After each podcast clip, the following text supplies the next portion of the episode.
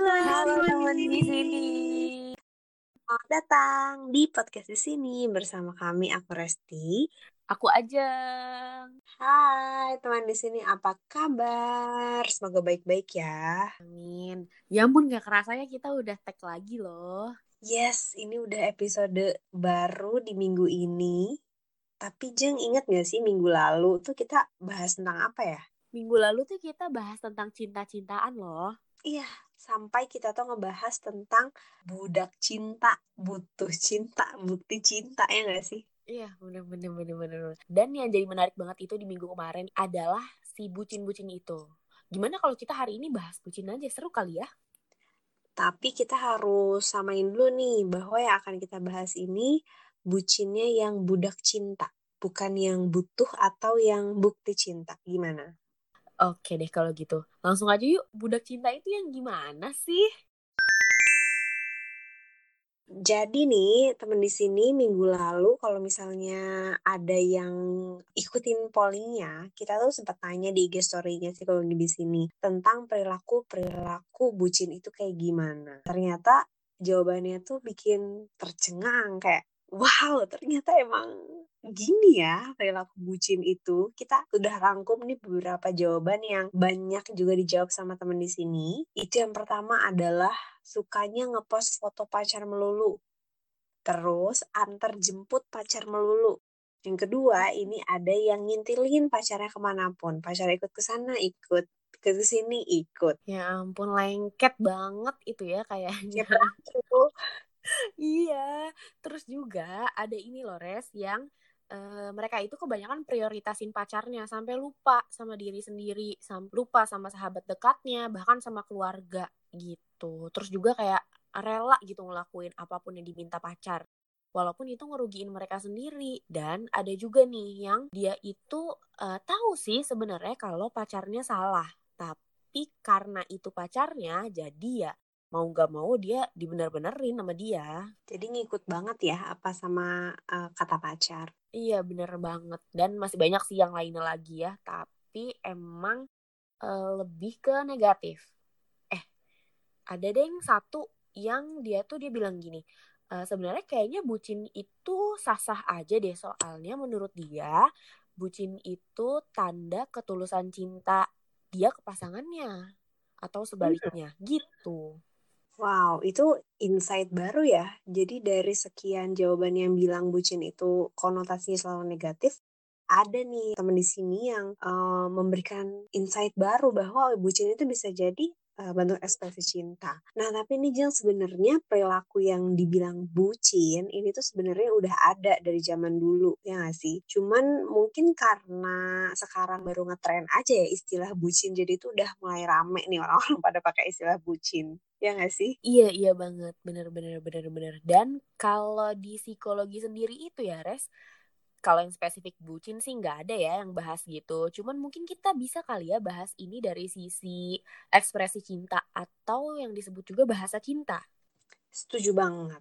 Ya, jadi benar banget tadi perilaku-perilaku yang udah kita sebutin tadi, itu tuh kan sebenarnya bentuk ekspresi cinta tiap pasangan ya dan ekspresi cinta tiap pasangan itu beda-beda satu sama lain. Iya, iya banget, iya banget, iya banget. Ada yang ngerasa dia tuh dicintai ya, Res, kalau misalkan dapet hadiah dari pasangannya. Misalnya dapat bunga, dapat boneka, dapat coklat, dapat surprise dan yang lain-lainnya. Mm -mm, benar. Terus juga ada yang kayak aku, ada yang merasa dicintai atau merasa mencintai ketika mendapat atau memberikan sentuhan fisik ke pasangannya. Misalnya uh, dipeluk atau misalnya palanya diusap atau misalnya pegangan tangan, dicium dan lain sebagainya. Uh, iya iya iya. Oke, terus juga ada nih yang merasa dicintai ketika dapat kata-kata cinta atau kata-kata manis dari pasangan. Kayak misalkan pujian, "Wah, kamu cantik ya hari ini" atau "Wah, gantengnya hari ini" gitu. Atau kayak apresiasi. Wah hebat ya kamu udah ngelakuin banyak hal baik hari ini dan yang lain-lainnya. Atau even kayak cuman ucapan selamat pagi atau selamat tidur ya atau ih kangen deh sama kamu gitu. Ada tuh yang um, memang akan butuh banyak kata-kata itu di hubungannya mereka gitu. Setuju.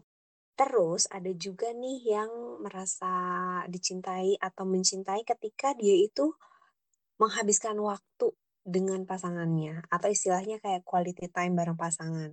Bisa hanya berdua, misalnya nonton atau misalnya hanya ngobrol atau misalnya menemani aktivitas pasangan. Misalnya kayak nemenin main futsal atau misalnya nemenin belanja dan lain sebagainya. Hmm, ya ya ya. Dan yang terakhir nih, ada juga yang ngerasa dia tuh dicintai kalau dia tuh bisa memenuhi keinginan pasangannya. Nih misalkan kalau pasangannya lapar, ada yang suka nggak usah nanya-nanya deh, langsung aja dateng gitu ya. Kalau nggak kalau pacarnya bete langsung ada di situ buat nemenin pacarnya gitu. Tapi ada juga kok yang sebaliknya justru yang lebih seneng buat ditanya dulu mau titip nggak atau mau dibeliin nggak atau kayak e, butuh datang nggak aku sekarang kayak gitu-gitu. Setuju. Jadi hal-hal yang tadi tuh sebenarnya bentuk-bentuk bahasa cinta kita ya kepada pasangan gitu. Dan itu tuh beda-beda setiap pasangan itu beda-beda. Jadi nggak bisa nih disamain satu pasangan ini dengan pasangan yang lain. Nah sekarang aku mau tanya kalau kamu jeng kamu tipe bahasa cintanya? Nah kalau aku tipe bahasa cintanya tuh yang mana ya? Yang eh, apa ya menyediakan banyak waktu buat pasangannya.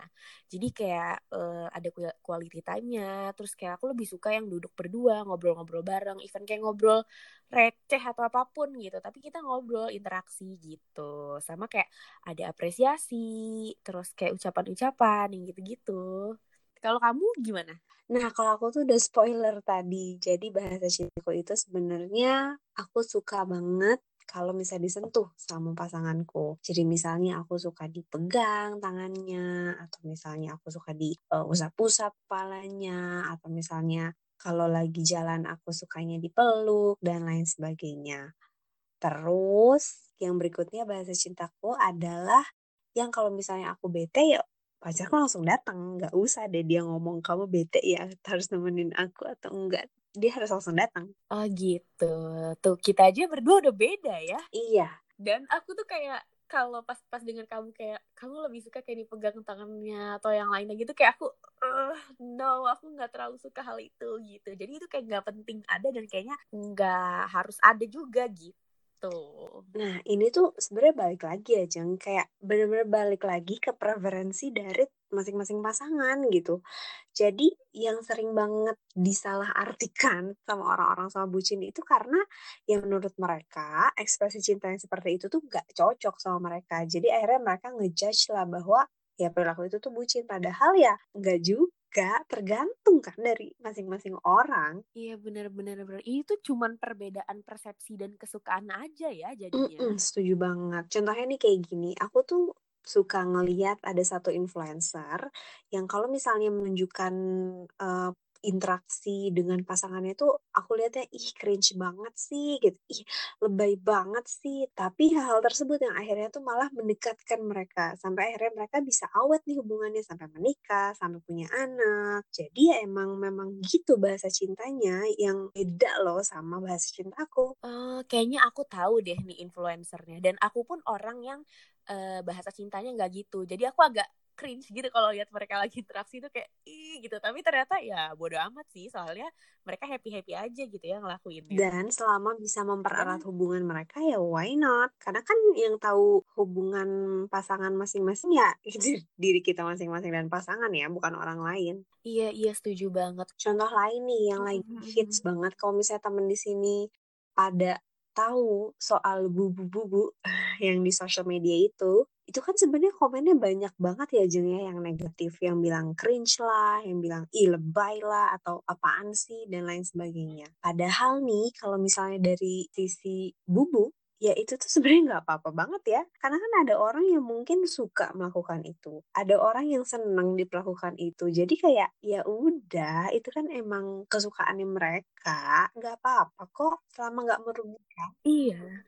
Dan kalau emang sampai bubu ketemu sama cewek yang suka banget gitu ya diperlakukan seperti itu itu tuh justru kan malah ini ya res bikin hubungan mereka tuh makin uh, makin happy, makin awet, makin lengket, gitu-gitu, makin deket, kayak gitu ya. Justru malah positif loh buat mereka. Mm -mm, jadi kayaknya kita sebagai netizen juga perlu bisa menghargai ya. Kalau misalnya ada yang beda nih bahasa cintanya sama kita atau ekspresi cintanya sama kita, ya kita menghargai dengan nggak bilang, ih kamu lebay banget sih, ih jangan kayak gitu dong. Itu kan ya hak-hak mereka.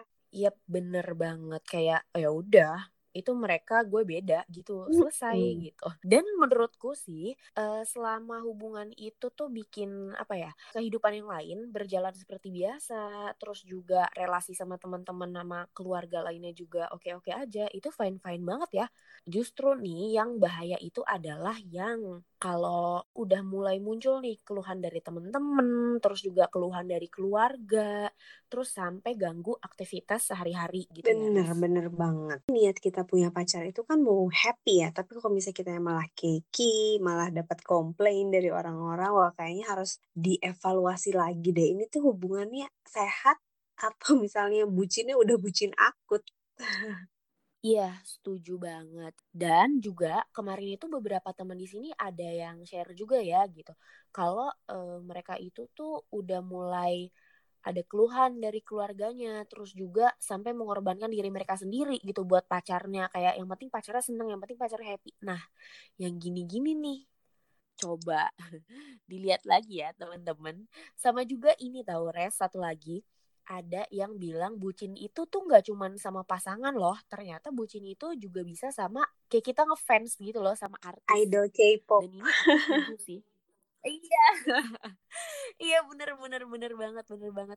Karena banyak banget orang yang sampai rela-relain misalkan kayak uh, beli-beli album uang jajan mereka, mereka uang tabungan mereka. iya betul banget. Sampai ada uh, aksi-aksi kejahatan misalkan terus kayak sampai segitunya niat nonton konser sampai jadi berantem sama keluarganya sama mamanya sama papanya atau misalkan sampai sama temennya berantem juga yang gitu-gitu tuh teman-teman ini bucinnya nih udah bucin Level akut. akut negatif nih kalau kayak gini ya. iya. Wah, ternyata bucin itu luas banget ya. Nggak cuman hanya sama pasangan yang udah literally jadi pacar kita, tapi juga pada idola kita gitu. Tapi sih sebenarnya kuncinya tetap satu ya, Res. Kalau itu masih bikin kamu happy, fine-fine aja, nggak ada gangguan di aktivitas atau sama keluarga, itu Oke banget. Kalau malah bikin nyemangatin ya? Ya, setuju. Dan yang paling utama nih, jangan sampai merugikan diri sendiri ataupun orang lain. Itu dia. Oke deh. Wah, semoga obrolan kita ini bermanfaat ya untuk teman-teman di sini. Dan sebenarnya pesan kita tuh satu ya, Res. Yaitu, it's okay to be bucin. Bener banget. Kalau misalnya nih ada ide, topik, atau bahasan yang mau dibahas, teman di sini boleh straight ke DM sosial media kita. Dan sampai ketemu di episode minggu depan. Bye. Bye.